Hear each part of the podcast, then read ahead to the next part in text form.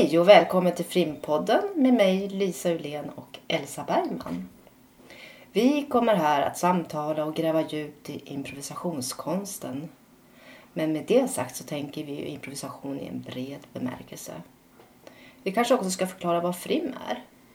Ja, eh, FRIM är ju Föreningen för fri improviserad musik i Stockholm som arrangerar konserter och möten och residens och de har på senare år varit väldigt aktiva och liksom utvecklat sin verksamhet och då är vi jätteglada att vara en, ett led i den här utvecklingen. Att vi nu börjar med den här Frim-podden som kommer publiceras på Frims hemsida. Mm, vi är jätteglada för det. Ja. Ja.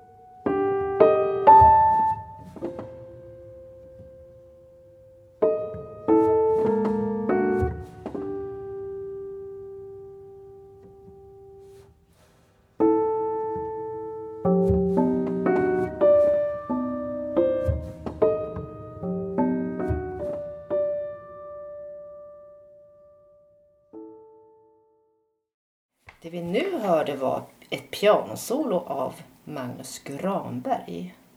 Eh, och Magnus spelade själv på pianot. Och Magnus är dessutom vår första gäst. Välkommen Magnus! Tack Lisa. Tack. Så himla roligt att du kunde vara med på Mm. det här samtalet. Mm, ja, det Eh. jättespännande. Vi tänkte börja kanske, du kan presentera dig lite själv. Eh, vem är du och vad gör du för musik? Ja, Mm. jag heter Magnus Granberg.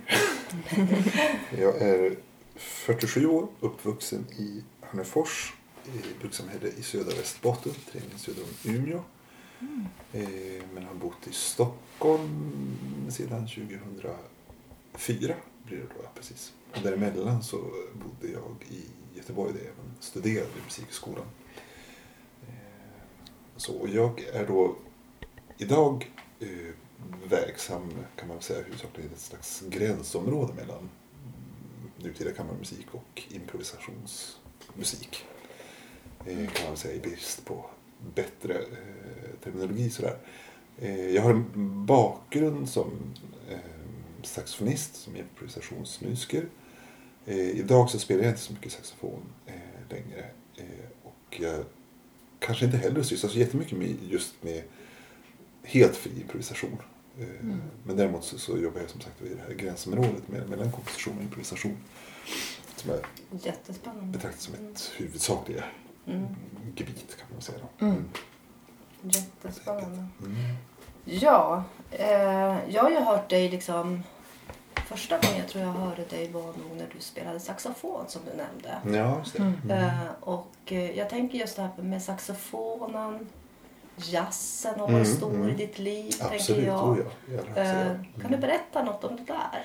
Ja, men alltså jazzmusiken eh, har ju varit och är fortfarande ska jag säga en jätteviktig erfarenhet och liksom referenspunkt för det, för det jag gör nu. Eh, sen så spelar ju då kanske inte jazzmusik längre, det kan man ju egentligen inte säga då, rent formellt sett. Då. Men just erfarenheten av att improvisera, eh, Mm. improvisera i grupp, det, det, det är ska jag säga, en central Mm. komponent och en central erfarenhet så som ligger till grund för, för det jag gör nu. Då.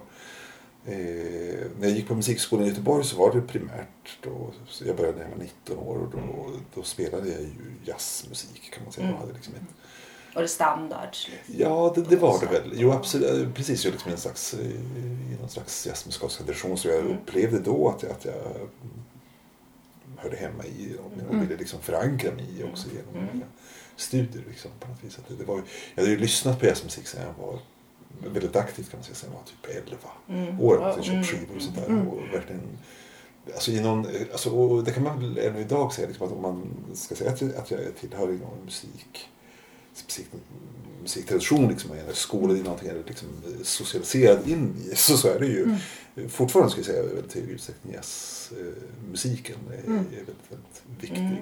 Ja, För, för jag fråga, var det saxofonen som kom först eller jazz? Alltså började Ja. du lyssna på jazz för att du var intresserad av hur en saxofon kunde låta? Ja, alltså, tvärtom? sax, sax, precis.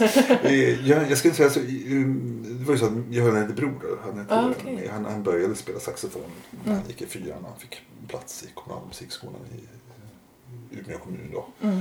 Eh, och jag, själv så var jag, eh, uttryckte jag intresse av att, av att vilja börja spela trumpet. Men Mhm. mina föräldrar som inte kanske egentligen kan så jättemycket om, om musik och själva inte spelar några musikinstrument. Men de hänvisade till, till min mammas kusin Mats som Mm. spelade lite grann, lite olika instrument. Och han hade tydligen sagt att det ska vara väldigt svårt att få ljud i en trumpet. Och då föreslog de att ja, men, du kanske ska börja spela saxofon som din bror. Och, och då sa jag ja, okej sa jag. Kör på det. och så, men eh, just vad gäller jazzmusiken ska jag nog säga att, att det jag hade väl då kanske hört lite grann på, på tv sådär. Och sen så Mm. hade vi, vi hade inte någon massa skivor hemma. Mamma och pappa hade väl eh, lite plattor sådär liksom. Kanske Mm. Ray Charles-plattan där som Mm. country-låtar. kommer jag ihåg. Det fanns där och kanske någon Joan Baez och det. José Feliciano. Vad kan det ha varit för någonting. Men det fanns också en, en box, eh, en svart box som inte stod bland övriga skivor utan den stod i bokhyllan. Därför att det inte stod så jättemånga böcker heller. Men, men där stod den där intill något så här familjefotoalbum där Mm. boxen på vilken på vilkens rygg The Jazz Story. Mm. Eh, och den, den där väckte tidigt min, min, min nyfikenhet så att jag bara få lyssna på de där Mm. plattorna där. Och jag, det var någonting där som, som jag fastnade väldigt omedelbart för ska jag säga. Mm. Det var första gången jag var liksom och eh, slog mina lovar kring den här boxen. Det måste ha varit nästan i förskoleåldern. Jag kommer ihåg att jag hörde, någon, att jag hörde någonting där som jag tyckte var helt fantastiskt. Mm. Så, som verkligen, Så tidigt? ja, som Mm. tilltalade på något vis. Liksom, det. Men jag hade en oerhört begränsad erfarenhet av, av musiken då. Men det fanns någonting där som, som, som Mm. tilltalade. Eh, sen ska man ihåg att nästa gång jag lyssnade på den där, alltså det var ju tio LP-skivor nästa gång jag skulle Mm. jag bara få lyssna på den, men då var det någon helt annan platta, en helt annan låt och liksom på något vis så, så var det, det, jag hade inte liksom samma omedelbara appellation. Liksom. Och då. Nej. då släppte det där, liksom, det var ju liksom tio LP-skivor och den där låten som jag hört, liksom, men vilken Just var det? Liksom, ingen hade någon aning. Så då blev den stående i några år till. Då, så, men när jag var då kanske 10, 11, liksom, kanske nästan redan innan jag började spela saxofon. Mm. Liksom, så där, så, eller visste att jag kanske skulle få göra det, jag hade ansökt den. Så, så började jag liksom lyssna på den där, i den där boxen. Liksom, Mm. lite mer, så där. Mm. Och där fanns det ju då allt möjligt. Alltså, de här tio optionerna hade liksom olika temata kan man säga. Liksom, att det började liksom då eh, kanske New Orleans jazz och så det en Chicago jazz skiva. Så eh, swing era, big band era eller någonting sånt där. Då. Mm. Eh, och sen så var det liksom också då med bebop-musik. Eh, och även liksom lite cool jazz tror jag. Och så liksom kanske lite grann. Jag vill minnas liksom att den sista skivan, liksom, ja, det var nog det var nog fortfarande 50-tal, men kanske liksom Mm. så här mitten, slutet på 50-talet. Jag tror att det fanns, det hela det där upplägget var, det var en slags pirat, det var en bootleg. liksom. Mm. Jag tror inte man hade några som helst rättigheter kanske egentligen. För, Nej. utan jag tror att mina föräldrar hade köpt den där via någon form av bokklubb eller skivklubb. Jag har ibland stött på eh, skivor. Det, det är väl liksom, Mm. jag tror även liksom, att det kunde vara liksom klassiska plattor i den där skivklubben. Jag vet inte, jag kommer inte ihåg vad den heter, men jag har stött på LP-skivor från Mm. den där. Liksom, när man bläddrar ibland på loppisar. Liksom, så här, någon Chopin-platta som jag Mm. känner igen från och pappas. Vilket jag för övrigt aldrig lyssnades på vad jag kan erinra mig. Men man har varit med i den där ungefär som man var med i det bästas bokval någon gång på 80-talet. Eh, sådär. Men, eh, jo, men i den, den sista LP-skivan, det var nog 50-tal, och då, då var det liksom lite mer experimentella tongångar också. Mm. Då var det, eh, en del av så här Charles Mingus jazz och workshop-grejer. Alltså, som, ja, visst, som, eh, med, med Theo Machero som också Mm. producerade Miles Columbia-grejer. Du som fick på. tidigt det där liksom. Ja, jo, men det fanns, Ja, liksom mötte det. det fanns liksom en spännvidd. Jag mötte det. Jag kan inte säga att, att, att, det liksom, att just de sakerna liksom så omedelbart liksom sådär, slog an. Sådär. Men, men, men, eh, Men det blir ju någonting att en- tillbaka ja, till. ja, liksom, något och det tecknade liksom någon form av Ja. liksom, utvecklingslinje Mm. liksom, jazzmusiken. Och som utav det där var jag ju oerhört förtjust i. Liksom, som Mm. Billie Holiday med Count Basie och Lester Mm. Young.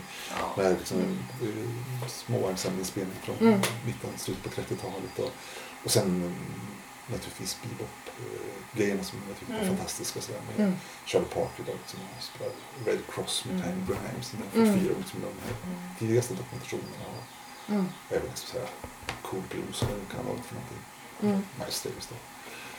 Men- Jag tänker liksom, det slår mig en fråga nu bara som kommer upp och Mm. det är ju vad var det som slog, dig, slog an hos dig just med jazzmusiken när du lyssnade på det här? För Mm. jag menar, du är ändå uppvuxen under 70-talet, Mm. 80-talet måste det vara. Mm, mm. Då det fanns också jättemycket annan musik som man har tillgång till. Ja, jo, Eh.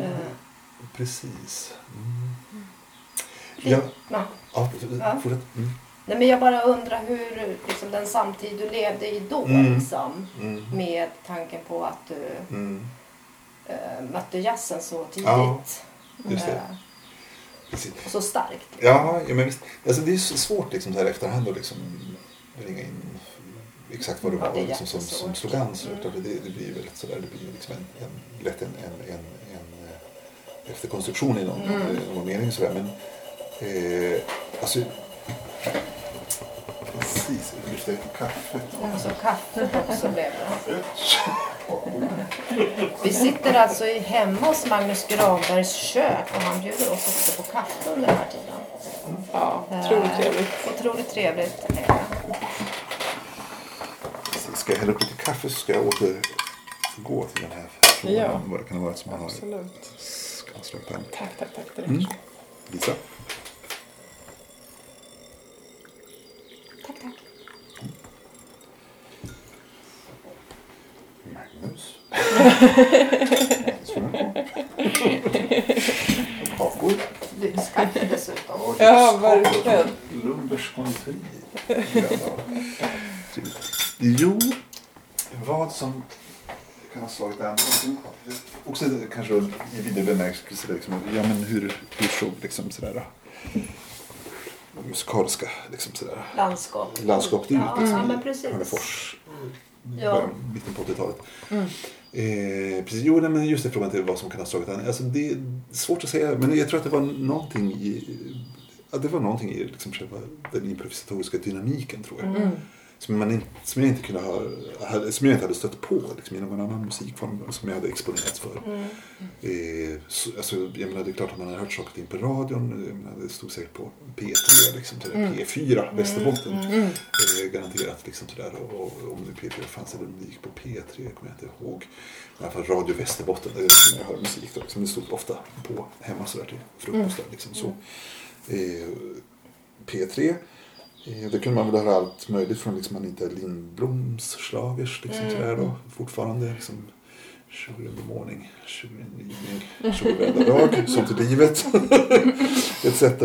Eh, och sen så var det väl mycket, sen i- när, jag började skolan, jag menar, alltså det här är ju då början på 80-talet. Då var det, skulle jag säga, att det var väldigt, väldigt mycket hårdrock i Hörnefors. Det var liksom Ja. helt dominerande. Mm. Eh, Hörnefors är liksom bruksort, liksom en utpräglad liksom, arbetar mm, liksom, en arbetarklass, Mm. liksom, så här, ett arbetarsamhälle. Eh, där det liksom, så här, fort, ännu liksom, så här, i början på 90-talet så var det nog 70 procent som röstade på Socialdemokraterna. Mm, bara, liksom, så, mm, så det är väldigt liksom, så där, rött och, och väldigt liksom, så där, arbetar, arbetarklass ska jag säga. Mm. Ja, Mm. verkligen. Eh, I Västerbotten ligger nu Ja, ja i, precis. precis Mm. I södra Västerbotten. Tre mil söder om Umeå längs kusten. Där det då fanns ett pappersbruk under ett antal decennier. grundades liksom kring eh, sekelskiftet 1900 och lades ner 1982. Då. Mm. Eh, Men i den miljön så var det ju så säga, liksom ungdomsmusiken som, som gällde då. Det var ju då, det var hårdrock.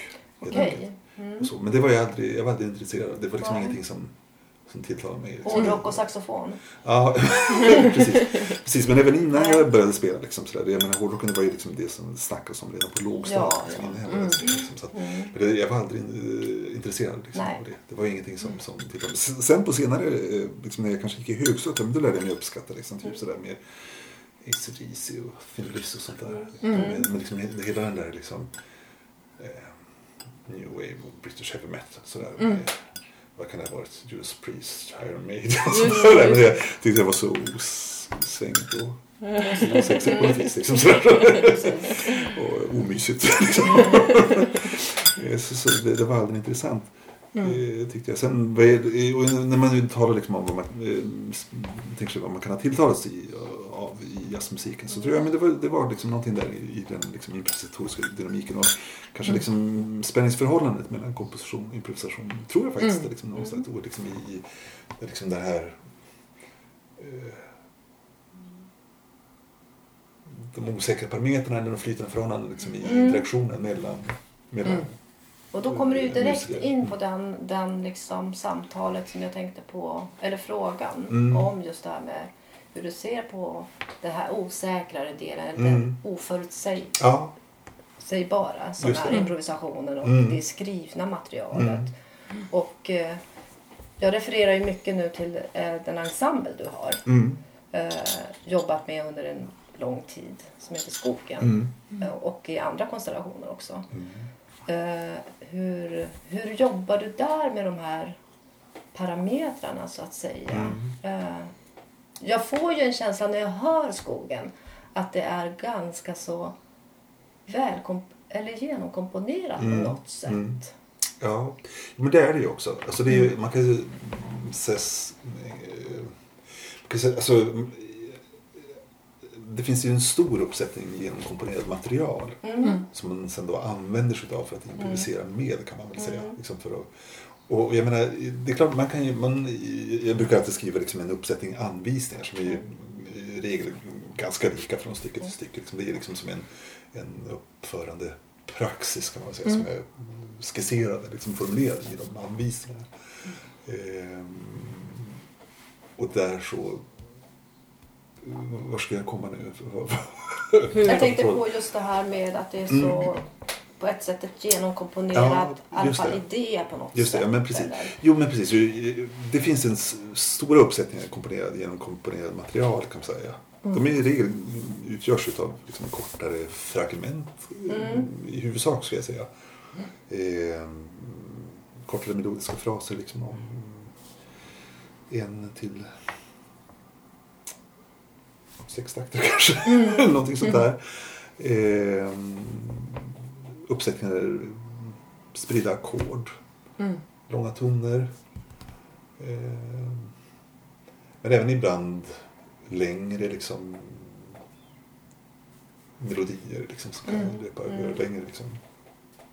Perioder. Liksom, Men kan du inte berätta lite? Också. Jag blir nyfiken på hur, alltså hur det, vad som hände däremellan. Alltså Ja. när du gick på Musikhögskolan i Göteborg och sen hur du liksom kom Ja, in med förstår. komposition. Ja, Och... ja, just det. Vi hoppar Ja. ett eh, Ja, steg tillbaka. ja, visst, ja, det, det, det går Ja. jättebra. Ja, precis. Ehm, jo, men under min tid på Musikskolan i Göteborg så, så ehm, var det ju verkligen min, min, min ambition att, att Mm. liksom, på något vis skriva in mig i en, vidare i en jazzmusikalisk Mm. tradition som var den, nu knyter vi tillbaka lite grann till Mm. Hörnefors, som, jag- som var det liksom, jag, i någon mening växte upp med. Då, som jag Mm. på vis, på någon, i någon mening liksom socialiserade in mig själv Mm. via, via skivor som jag då beställde och köpte och via radion också. Mm. Inte minst via P2 och även P3 där man då eh, fortfarande på den tiden kunde lyssna på faktiskt på jazzmusik i P3. Det tror jag inte man kan Mm. göra längre men det kunde man absolut göra då. Smoke Rings gick väl i P3. var det P3? Ja, jag tror Var det. det P2? På, nej, jag tror inte det var P3. Om jag, inte, jag kan ha fel. Jag kan ha fel. Ja. Gå tillbaka till någon sån här orkesterjournal på 80-talet och kolla i Ja. radiotablåerna. Kanske någon där ute vet. Ja, men precis. Mm. precis. Eh, jo, men som sagt, jag, jag socialiserade in mig i någon mening i det där. Liksom. Jag Mm. lyssnade på massa jazzmusik på skiva, i radio.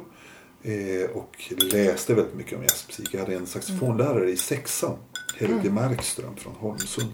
Mm.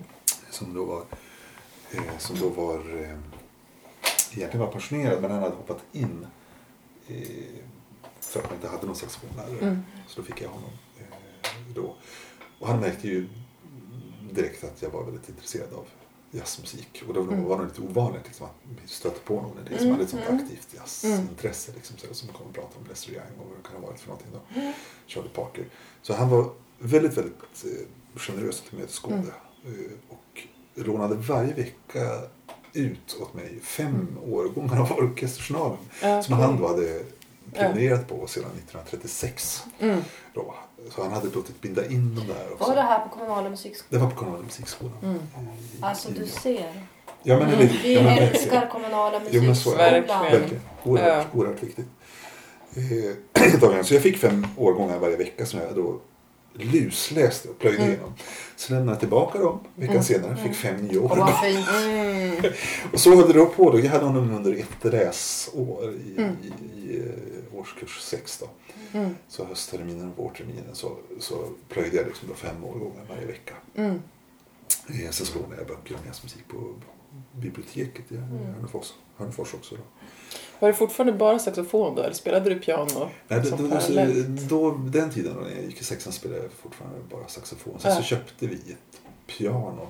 Mina Mm. föräldrar belånade sätt eller någonting.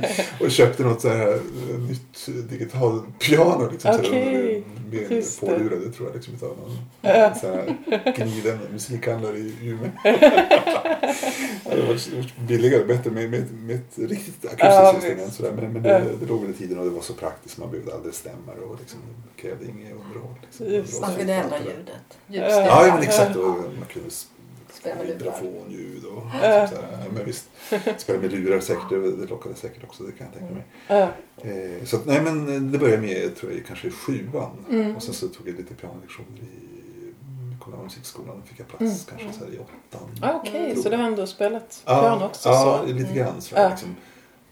Jag var väl ingen, alltså det var, jag, kan, jag var ingen flink person på att hålla på och öva på det sättet på piano. Nej. Utan det var mer liksom att jag experimenterade liksom med, med, eh, med jag kanske hade liksom lite noter med ackordsen. Det är ju så att jag liksom Ja. lärde mig liksom utläsa liksom ackordsen Ja. på egen hand. Mm, lite grann sådär, mm, liksom, och mm. började själv experimentera när jag förstod liksom, systemet. Liksom, Mm. med, med, experimentera liksom, med harmonisera liksom, bitar Mm, liksom, mm. och lite grann stämföringar och sådär. Mm. Ganska mycket på egen hand. Så Ja. hade jag lite, fick jag spela kanske någon liten jazzbit liksom, sådär, Mm. på Mm. Ja, vad spännande. Sådär. Mm. Det, Men jag skulle ändå vilja eh, komma fram till det du gör nu.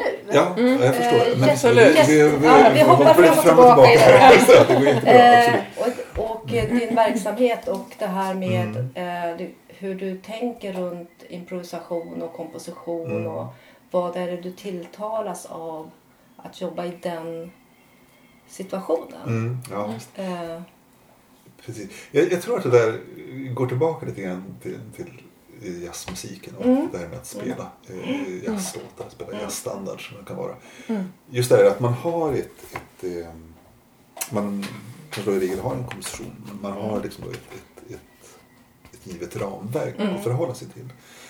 Och sen så har man ju också, förutom att man har liksom en, ett, ett ramverk i form av en låt. Liksom, Mm. Så i jazzmusiken så har man ju också alla de här eh, out, många gånger outtalade liksom, formlerna och rollerna. Liksom, Mm.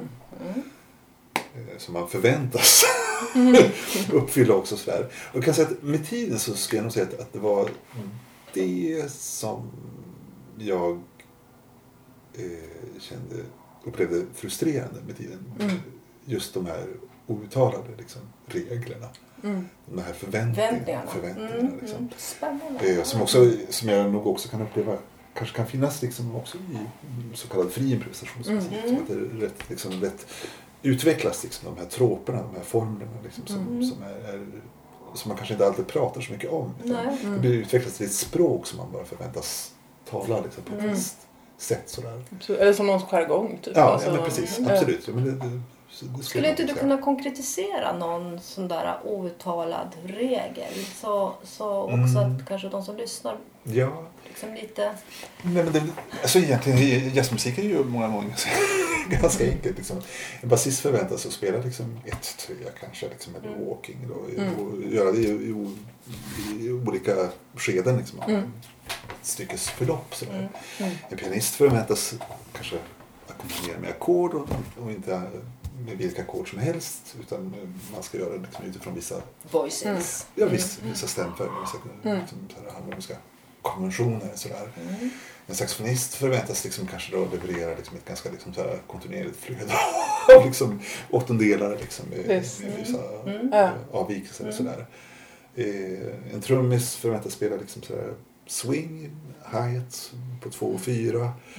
Liksom en tjing tjinkeling på ride-cymbalen, liksom, Mm. lite punktioner på virveltrumman liksom, och en Mm. psykop på bastrumman, vad det kan vara för någonting. Mm. Liksom, sådär. Jag menar, det, det, är också, det är ju också troper, det är former, det är Mm. roller liksom, Mm. som tillåter liksom, ett stort mått av individuell frihet också. Mm. Men jag upplevde med tiden att, att eh, en väldig begränsning att, och att det fanns liksom en slags kanske då, tabu liksom, att, att bryta mot de där Mm. Mm. konventionerna i allt för hög utsträckning. Och det var väl det liksom att man hade någon slags kreativ impuls liksom, av att faktiskt formulera en egen musik. Låt väl inom eh, ett jazzmusikaliskt ramverk till en början kanske. Mm. Men jag upplevde att det ramverket blev trängre och med tiden liksom, och kanske inte Mm. förmådde härbärgera Mm. liksom, ens mm, eh, kreativa eh, impulser Nej. i, i förlängningen. Utan Ja. det, det, det, det är någonstans när jag då började formulera för mig själv liksom, vad den nya musik skulle kretsa kring. Och då var ju väldigt, väldigt många saker var väldigt kaotiskt innan saker och ting. Liksom, det var så mångskiftande. Liksom. Mm. Många saker liksom, som, som, som skulle falla på plats. Men en sån sak var just det här frågan om, om form. Liksom att, I någon mening liksom att klargöra den där formen. Att, att spela med öppna kort. Mm. I någon Mm, mening. just det. Det här är formerna. Ja. Och de här kan du förhålla dig till Mm. Mm. på olika vis. Liksom. Och att formulera det. Liksom. Mm. Ja. Att kunna erbjuda en individuell frihet, liksom, ett Mm. handlingsutrymme. Liksom. Både individuellt och kollektivt som, som ensemble, som. Mm. som eh, kommunitet, liksom, som grupp. Eh, men att, att tydligt definiera vilka de formerna var och inte Mm. bara liksom utgå från att vi spelar på det här viset. Mm. Mm. Det är, liksom jätteintressant. Ett, mer aktivt arbete det- med, med språket, liksom, det musikaliska språket. Mm. Det Att det inte bara en, Ja. det är inte bara en allmänning. Nej. Det här musikaliska språket det är inte bara en allmänning. Här gör vi på det här viset. Och liksom, gör man inte på det viset, ja, men då ringer man inte nästa gång. Nej, precis. Vad det kan vara för någonting. Utan, men, Ja. jag, jag ville dra upp tydliga riktlinjer, tydliga liksom, Mm. spelregler och tydliga material. Liksom. Mm. Jag menar, vad kretsar musiken kring? Liksom? Mm. Vad är det som är viktigt i musiken? Mm. Och så ringar man in det. Men man ringer in det på ett sånt vis liksom, att det finns ett stort handlingsutrymme Mm. för alla att eh, agera inom. Mm. Och att det samtidigt liksom genererar ett utfall som står i överensstämmelse Mm. med, eh, med eh, kompositionen, eller Mm, liksom den musikaliska. Liksom, den musik, så som musiken är liksom, formulerat. Ja, men det där är ju superintressant. Jag tänker också så här, hur kopplar du ihop då liksom komposition och improvisation och de som är utövare? Mm. Att, eh, för du ger ju det här materialet då liksom Mm. till ensemblen. Spelar det roll? Det är klart att det spelar roll om det är en, en inspelad eller en välrepeterad Mm. ensemble som Mm. har spelat under x antal år. Men hur fungerar det tycker du Ja, jo absolut. med Och, hur mycket tillför det liksom i musiken? ja, jo, precis. Jo, men absolut. Jo, men, och där kommer jag med till liksom, att det är klart att även den här musiken Mm. som lutar sig mot säkert vissa konventioner som kanske inte heller är nödvändigtvis är uttalade. Nej. Utan det kommer ju finnas där ändå. Mm. Eh, och jag menar, eh, men, och som kommer sig utav liksom, att man är en del, alltså att, utav en, att man har utvecklat en sensibilitet Mm, Mm. för en, Mm. ett visst sätt att musicera. Mm. Eh, att alla medlemmar har gjort det på olika vis. Liksom, att det Mm. finns en gemensamma erfarenheter, gemensamma sensibiliteter Mm. eh, som man har kultiverat Mm. på olika Mm, håll mm. tillsammans. Känns också som att du har jobbat med liksom dem i skogen. Eller att det är många som du har jobbat med väldigt länge. Absolut, ja, men så är Var det. det några som du pluggade med till med i Göteborg? ja, eller? ja, men precis. Ja, men Henrik och Leo gick ju samtidigt som mig på Just det. Ja, musikerutbildning där i, precis. i Göteborg. Ja, Eh, och Petter, ja, Erik gick efter mig. Ja. Vi gick inte samtidigt, han började på individuella. ja. Eh, några år efter mig. Eh, och sen så gick ju då... Erik. Jag, jag, nej, det var Erik jag nämnde där. Ja. Precis, han gick några år efter. Erik Karlsson. Karlsson, Erik Karlsson, och precis. Leo Svensson Sander. Precis. Ja. precis. Ja, men vissa För de som ja, men inte för de som inte är intresserade. Ja, men. Ja. Henrik Olsson, slagverkare då. Ja. Ehm, jo, men så Henrik och Leo gick samtidigt med mig på Musikskolan i Göteborg. Erik gick samma program fast några år senare efter att vi hade gått ut. Mm. Eh, Petter som också var med från Westberg då, Mm. som var med från början. Han, eh, han kände Erik via sin storebror eh, Joel. Westberg. Mm. Eh, och Petter gick på Skur på, på kontrabas, Skurups folkhögskola på kontrabas. Mhm. Men flyttade till Stockholm när han var kanske 20 eller Mm. sånt där. Mm. Eh, 2021. Och då spelade han och Erik bodde ihop i Bromma, Mm. ett hus i Bromma. Och då spelade de jätte- jättemycket tillsammans. Och då hade de börjat intressera sig för mm, ehm, eh, den elektroakustiska improvisationsmusik som, som kom att växa fram mer och mer från mitten av 90-talet. Liksom, Mm, det. Mm. Mm. kring millennieskiftet. Sådär. Mm. Så de lyssnade på väldigt mycket eh, av den musiken och började liksom själva liksom kultivera liksom en praktik Mm. i, i det området. Mm. Eh, så där kom Petter med i bilden. Anna kom in, Lindahl då, Mm. Kom med några år senare i samband med att vi Mm. I samband med första gången drog ihop en lite större eh, version av skogen. Just det, för att skogen är ju också olika formationer så att säga. Ja. Att det är en grundkärna med Mm, fasta medlemmar och sen så precis. är det en större ensemble också. Precis. Så Det vi har ju bjudit in gäster genom åren, kan man säga, som gäster som Mm. är, nästan är, kan man betrakta som medlemmar idag, som Mm. har varit med i ett flertal olika projekt. Mm. Eh, Bland annat Eng Harold Davis, Mm. walesisk violinist bosatt i London sedan många år. Och sen hennes bror Roger Davis, harpist, har varit med och spelat vid flera tillfällen också. Och sen har vi jobbat också ganska mycket med, med ett par japanska musiker också, Toshimaro Nakamura, Mm. som man kan säga är en pionjär inom det här liksom, fältet för Mm. elektroakustisk improvisationsmusiken har varit verksam inom det området sedan mitten på 90-talet. Mm. Eh, men även Ko Ishikawa som spelar shoda som är ett traditionellt Mm. japanskt instrument. Eh, har varit med flera gånger med, med skogen. Mm. Eh, och han har också, han har ju en, dels en skolning inom den traditionella japanska liksom, gagaku-musiken. Det. Eh, men även spelat mycket nutida musik eh, Mm. för show. Då. Eh, och spelat mycket experimentell musik och improviserad musik. Mm. Mm. Så, så att det, det är några av de gäster som har varit med. Men som grunden är ju då den här kärnan utav Mm. svenska musiker. Mm. Jag tycker ändå när man hör skogen så eller när man hör din musik Magnus så Mm. upplever jag ändå att det är en väldigt tydlig liksom det här är Magnus Granberg. Mm. Verkligen. Ja, Det är som att du har jag- byggt upp en Du egen... har byggt upp Mm. någon egen Mm. tonspråk. Och det jag Mm. fascineras väldigt mycket av det är också det här att du får in harmoniken Mm. Och en slags rytmik i, Mm. i ensemblen fast det är under en väldigt lång tids... eh, Mm. Det kan vara ganska långa tids... eh, Tidsförlopp. Ja, Mm. tidsförlopp. Mm. Mm. Och det är, tycker jag... Hur Mm. jobbar du med det där, tänker jag? Liksom? Ja, ja, precis. Alltså det är ju, för, för det var också en sak. Alltså, om jag kände liksom en frustration med jazzmusiken och de här liksom outtalade och improvisationsmusiken med de här, många av de här liksom kanske outtalade liksom reglerna, liksom, de här koderna liksom, Mm. man förväntades liksom då läsa av och, och följa. Mm. Ehm, och liksom den här risk, risken som det finns liksom, för liksom ett schabloniserat liksom, musikaliskt språk Mm. liksom, som man lutar sig emot. Liksom. Eh, så kunde jag också... Eh, vad var det? Jo, men precis. Mm. Jo, men om, vi går tillbaka till liksom, till det här kring millennieskiftet då.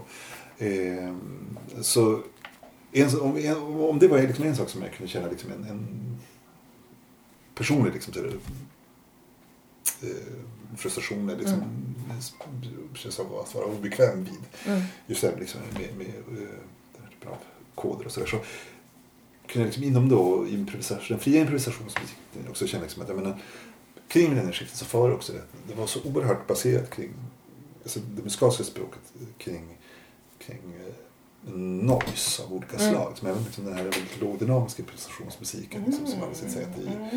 i Berlin till Mm. exempel och Tokyo, London. Liksom att det var många gånger väldigt, väldigt lågmäld, vilket för övrigt min musik i stora drag också är. Men, Mm. eh, men det är liksom att man många gånger så handlar det om, om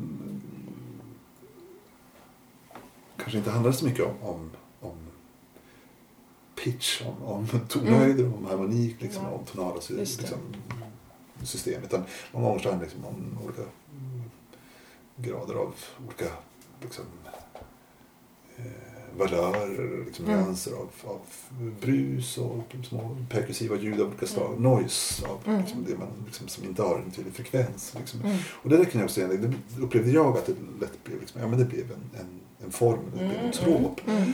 Eh, så, och jag, och jag själv har jag alltid haft en sån, sån kärlek till, till tonerna. till tonkonsten. Jag kommer att tänka på det Jag har liksom när jag har hört dig ja. spela solosaxofon Mm. som är så fint. Vi pratade om det innan, någon konsert som du gjorde där på Strand. Ja, just det. Ja. Alltså som känns väldigt tonalt, eller liksom Absolut, så i oh ja. jazzidiom, Ja, oh fast ja. ändå inte alls. Alltså någonting Mm. helt annat. Mm. Alltså hur... Mm.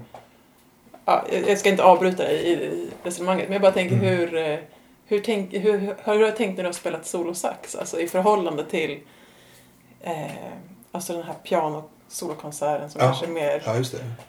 Ja.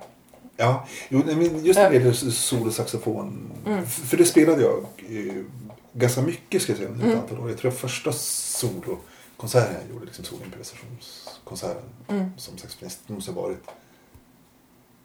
på Konstmuseet i Göteborg 1996 Mm. tror Mm. jag. Någon gång så här på tidig höst. Mm. Eh, någon gång. Det var den första gången som jag tror jag gjorde det liksom sådär rent formellt. Sådär. Mm. Eh, och sen så kom jag göra det i ganska hög utsträckning. Och det var nästan, under ganska många år så var det nästan det enda Okej. jag gjorde när jag spelade Ja. saxofon. Mm. Jag, det kan säga att jag genomgick en, en ganska genomgripande kris. Mm. Skulle jag säga, liksom, slutet på 90-talet i samband med att jag gick ut musikhögskolan. Mm. Liksom. Eh, och det var, eh, som hade med, med sax, saxofonen att göra. Liksom, Mm. Och hade med jazzmusiken att göra. Liksom, Mm. och de här, den här typen av liksom, Ja, att jag kände liksom att kostymen blev för trång. Just det. Och att du inte visste var du skulle placera dig någonstans. Nej, precis. eller Liksom, och det, det var liksom att jag hade, jag skulle säga att den här krisen, jag hade ju så länge trott liksom, att, att jazzmusiken var min, min tradition och var min Mm. hemvist. Mm. Och det var den ju också i någon mening. Men var, jag tror att jag hade liksom, rört mig med ett alltför liksom, förenklat liksom, kulturbegrepp. Liksom, Mm. och hade liksom någon så här romantiserad bild av, liksom, av autenticitet och liksom, Mm. tillhörighet. Mm. Liksom, sådär, som, som inte var med verkligheten överensstämmande helt Nej. enkelt. Mm. Liksom, utan att verkligheten var mycket mer komplicerad än så. Mm. Eh, omfattade så väldigt många fler musiktraditioner som man hade exponerats för och, och saker och ting som man inte kanske hade exponerats för i tillräckligt hög grad heller. Så jag tänker på mig, liksom, idén om jazzmusiken liksom, som, som, som tradition liksom, när man växer upp i en bruksort i södra Västerbotten Mm. liksom, på 80-talet. Liksom, sådär. Men det är ganska långt ifrån liksom, sådär, händelsernas centrum och det är långt ifrån också den tid liksom, som, det. eh, som kanske liksom, har varit jazzmusik Mm. i skuldlådor. Så att, allt det där var ju, liksom, det var ju väldigt eh, skeva perspektiv Mm. på. Liksom. Och det kan ju, sånt där kan ju ta tid liksom, innan, innan det, polletten trillar ner. För, Mm. liksom, sådär, som ung människa. Liksom, också men när man någonstans liksom, sådär, försöker förstå vem man är och var man kommer Mm. ifrån och var, vart man är på väg och vad som är ens Mm. identitet och, och hur världen är liksom, funtad. Liksom, Mm. Mm. Hänger ihop eller inte hänger ihop. Liksom. Mm. Eh, så att jag, man kan säga att jag började spela saxofon, solosaxofon liksom, som ett sätt liksom, lite grann också för att komma från den där trånga kostymen. Det första Mm. jag upplevde liksom, det var att eh, spela jazzmusik ihop med andra och med alla de här liksom, tysta eh, och outtalade liksom, Mm. Ja. Mm. premisserna. Mm. Eh, så då började jag göra det för att liksom, hitta liksom, en ledigare form och för att kunna förhålla mig till den här jazzmusikaliska traditionen eh, på ett friare sätt. Liksom, Mm. Som kanske hade mer Alltså, som med tiden, alltså, när jag gick ut musikskolan så var det nästan så att jag mer eller mindre slutade spela saxofon. Jag höll igång lite grann under ett Mm. år. Så där. Sen så försökte jag närma mig det där på Mm. ett vis genom att förhålla mig liksom till jazzmusikaliska traditionen på ett, så, som ett minnesarbete nästan. Mm. säga, som, som en slags hågkomst. Just det. Det är så det låter Ja, tycker ja, jag. jag, jag, försöker, jag är som att jag försöker minnas Ja. jazzmusiken i någon mening. Liksom. Det är reminiscenser liksom, Mm. av, av, jazzmusik. Ehm, och det handlar, så, så att kunna förhålla mig friare, liksom, att kunna liksom, ja, men, Alltså mer som att röra sig liksom, i ett fält, mer än liksom, än att spela jazzmusik liksom, från en, jazzlåt liksom, från Mm. vänster till höger. Liksom, Mm. eh, liksom, en, liksom, eh, linjära, liksom, harmoniska liksom, Mm. förloppet. Liksom, så att kunna betrakta det som ett fält, liksom, som en yta som man rör sig in. Liksom. Mm. Mm. Nu går jag från... Ja, men skulle jag spela... I love you. Det ska jag gå liksom från Game of 7 5 till C7 till F7. Mm. Okej, ja, men och sen skulle man gå från...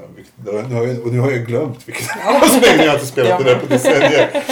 Eh, Men, men, eh, ja, men jag, att jag inte faktiskt behöver gå liksom den vägen genom, Nej, det, här, det. genom det här fältet. Mm. Är det det du har liksom flytt, tagit med dig liksom i, i ditt komponerande? Jo men det ska jag absolut säga. Mm. Ja. men absolut. Så jag betraktar det liksom väldigt mycket som, som ett, ett fält liksom, som Mm, man mm, rör sig i. mm. Liksom en terräng. Det där tycker jag är jättespännande. man rör sig i. För jag tycker ju Ja. någonstans att jag hör det. Liksom, jag tänkte på det när jag hörde ditt solo nu. Mm. Jag har fått Mm. lyssna lite grann. Ja, just det. Mm. Ja, så känns det ju som att du rör dig i, i någon slags som också kontext. Mm. Liksom i, Mm. i någon jazzlåt. Mm, ja. Jo men så, så, är, så är det delvis också. Alltså, Det stycke som jag spelar där kan man säga, det är, Mm. eh, och som kommer att sändas Mm. via Frims Youtube-kanal. Mm. Det kan man säga det är ett, ett pågående arbete. Det är inte på något vis ett, ett färdigt stycke. Men det är, det är en, en massa material som jag har börjat skriva. Eh, Ah. sådär, som jag nu spelade på ett visst sätt. Nu Mm. Den här torsdag kvällen här veckan. Då, Mm. vi spelade in. Eh, men det materialet utgår delvis ifrån, och jag menar det är inte ens, det hör man inte på något vis. För det är så oerhört liksom, sådär, abstraherat i någon mening. Och det, det, det, det är utformat efter helt andra principer. Men utgångspunkten, den harmoniska utgångspunkten, det är en viss passage i den här jazzlåten My Foolish Heart. Som har legat till, grund Ja. liksom, för, för Ja. liksom, Jag här- tänkte så här, vad är det för låt? Jag. Så här, jag hann inte spännande. lyssna tillräckligt många gånger. Liksom, men, och, och jag tror inte man hör det för att det, det, det är ju ingen funktionsharmonik utan det är snarare som en, en modal eller linjärt polymodal. Liksom, Mm, sådär, mm.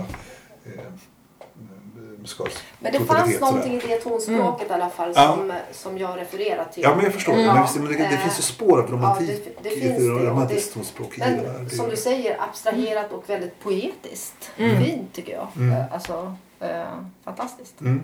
Mm. Jag kan säga i liksom det rytmiska materialet det, det, det är så här lätt från ett par senmedeltida sånger av, Mm. av Solage. Som, en, som, ett åsikt som jag inte vet speciellt mycket om. Men det finns några låtar bevarade i, i, eh, Chantilly-kodexen som är en sån här samling, manuskriptsamling Okej. från senare tiden. Och som är en sån viktig samling för den här musikformen som kallas för ars subtilior, den mer Okej. subtila tidsåldern och som Mm. inträffar liksom i, eh, i, alldeles precis i slutet av medeltiden och precis gränsen mellan Mm, senare och, mm, och renässans och som är knuten till några få hov, jag förstått, liksom, typ Sydfrankrike och liksom kanske Cypern och något Mm. Första året bara. Spännande. Men det har jag utgått från Mm. som utgångspunkt i ett par av, av de sångerna där. Då, liksom, som- Mm.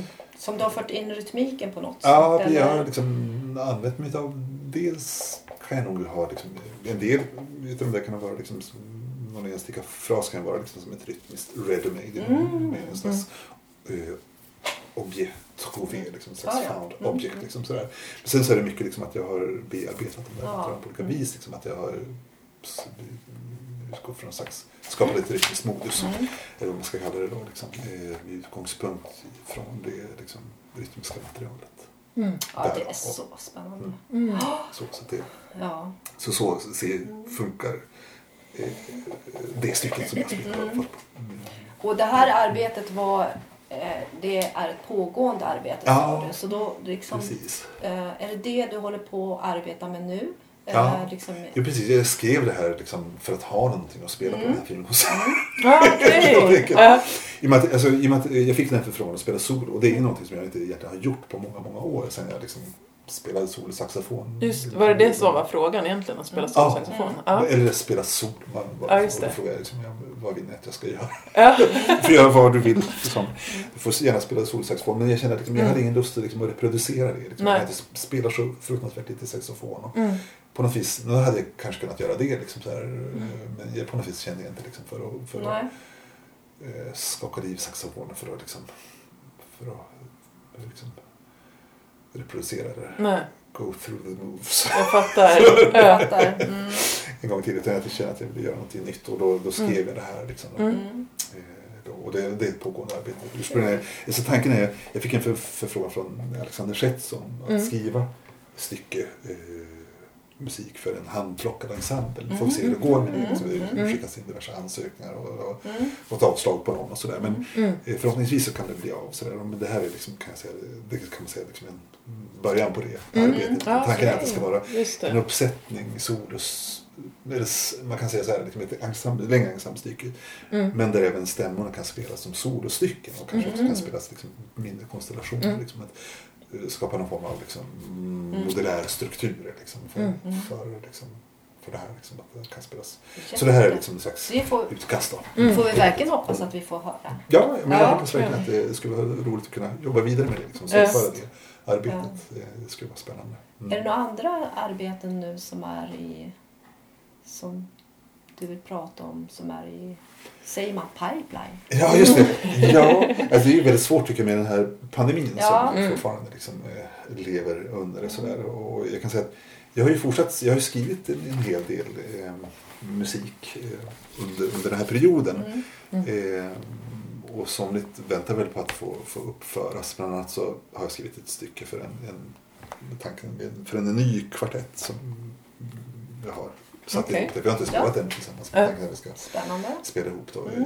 jag och Erik Karlsson och så Vilde och Inga. Mm. Två Mm. norska Ja. stråkmusiker, fantastiska. eh, De har en väldigt fin duo. Ja, men Mm. Ja. Mm. Mm. Helt Ja, fantastiskt, ja. verkligen. Underbara musiker verkligen. Mm. Jag kände att när jag hörde dem, jag hade hört dem sådär, på nätet liksom, Mm. tidigare. Eh, genom åren. Jag Mm. tyckte det låtit helt fantastiskt. Ja, vad och jag var roligt. så nyfiken på det. Sen så var det då Impra tror jag som ordnade en konsert på den Nelson Akvariat. Mm. Så där jag inte fick höra dem Mm. live till sist. Underbart verkligen. Ja. Fantastiskt spel. Ja, det verkligen. Så jag kände att det skulle vara så kul att försöka göra något ihop. Jag kände Mm. liksom att det fanns liksom så många beröringspunkter Mm. liksom, Mm. med det jag själv håller på med. Så, Mm. så att det skulle vara roligt att, att spela någonting. Så det kanske vi också får höra i framtiden. Ja, jag hoppas det. Vi, Ja. vi, vi är Mm. bokade för en konsert på Sound Stockholm. Mm. Hoppas jag fortfarande. Ja, ja vad Som spännande. förhoppningsvis går av Mm. stapeln i, tror jag, i november. Eh, Så jag har skrivit ett stycke under den här liksom, i pandemin. Här, jag tror det var i december, januari. någon gång, Så skrev jag ett nytt stycke på Mm. kvartetten. Mm. Mm. Eh, Så det väntar på att få spelas. Och sen så ska vi väl spela in ett stycke med skogen som jag ursprungligen skrev för en, eh, för ett projekt där för Brakfesten som, har, som vi genomförde under, under pandemin här. Mm. Vi var tvungna att ställa om, men det var då Leo Svensson Sander och Stina Hellberg Agback Mm. eh, sökte pengar från Musikverket för att genomföra ett projekt som skulle ta sin utgångspunkt i Messiansk kvartett för tidens ände Mhm. och som även skulle involvera eh, eh, skulle, tanken var att det skulle vara en scenisk liksom, föreställning som skulle ta sin utgångspunkt i, i det stycket musik och i den eh, inspiration av, av, av den liksom, ursprungliga kontexten, Mm. eh, kan man säga, liksom, tillkomsthistorien för kvartetten där då. Mm. Eh, och det, och det grann med tanken på ett, ett, eh, klimatperspektiv och en, Mm. eh, den nödvändighet som, som är väldigt akut. Liksom, att försöka Mm. mobilisera för att få kunna stävja liksom, Mm. liksom, klimatförändringar och utveckling. Liksom. Eh, men i vilket fall, så vi fick ställa om för pandemin kom emellan och då skrev jag ett, ett, ett, ett längre stycke för den kvartetten musiker då, som Mm. involverade det projektet med Leo och Stina då. Och så Eva Lindahl på fiol och Mm. jag då. Så det spelade vi också in i en längre version som jag hoppas ska kunna eh, ges ut på skiva. Men jag passar också på att skriva till några stämmor Mm. eh, för skogen. Mm. Så vi ska göra en version för, för liksom Ah. större ensemble Ja. nio musiker med harpa och slagverk, vibrafon och Ja. Pennan glöder. Pennan. Så jag hoppas vi, vi, tanken är att vi ska spela in det i slutet på juni här. Ja. Förhoppningsvis kunna ge ut kanske båda versionerna. Ja. Vi får se hur, Mm. hur det går. Vi håller tummarna för det. Mm. Mm. Det är jätteroligt. Vad kul att få prata med dig Magnus. Det finns ju så mycket vi skulle kunna fördjupa oss i Mm. ännu mer. Ja, verkligen. Men vi avrundar vår lilla podd här tänkte jag. Vår första Ja. podd. Eh, och eh, eh, tack för att du ville vara med Magnus. Ja, Jätteroligt. tack ska ni ha. Eh, Fantastiskt så- roligt att få vara med på sånt här Ja, eh, och- lysande initiativ. verkligen. Ja, och Mm. Jättefina tankar och idéer och som man skulle vilja komma, återkomma till såklart. Mm. Mm. Eh, Mm. och sådär. Eh, men innan vi slutar så tänkte jag eh, ta lite information om den här podden. Var hittar vi den här podden? Jo, vi hittar den på frim stockholm.se och den här solokonserten vi nämnde hittar ni eh, på Frims Youtube-kanal. Och eh, vill man lyssna mer på Magnus Granbergs eh, ensemblemusik eh, med bland annat Skogen så finns det på Another Timbre. ligger hans skivor eh, som man också kan köpa där. Och nästa gång då vi återkommer med den här podden, vad händer då Elsa? Ja, i nästa avsnitt av Filmpodden så kommer jag ha ett samtal med den argentinska tenorsaxofonisten, improvisatören och kompositören Camila Nebbia som just nu bor i Stockholm under ett halvår. Eh, hon har gjort en soloinspelning exklusivt för oss i Frimpodden och det är vi väldigt glada för. Och den eh, soloinspelningen då kommer vi även sända som en del av nästa avsnitt. Och eh, emellan musiken kommer vi prata med Camila eh, om hennes musik och konstnärskap. Hon eh, arbetar även med film. Och vi kommer prata om hennes olika projekt och band, hennes bakgrund och musikaliska bana. Och det ska bli jättespännande att höra mer om hennes tankar och även få höra henne spela solo. Eh, nästa avsnitt kommer också eh, publiceras på Frims hemsida, precis som det här. Så håll utkik. Tack för oss! Hej då!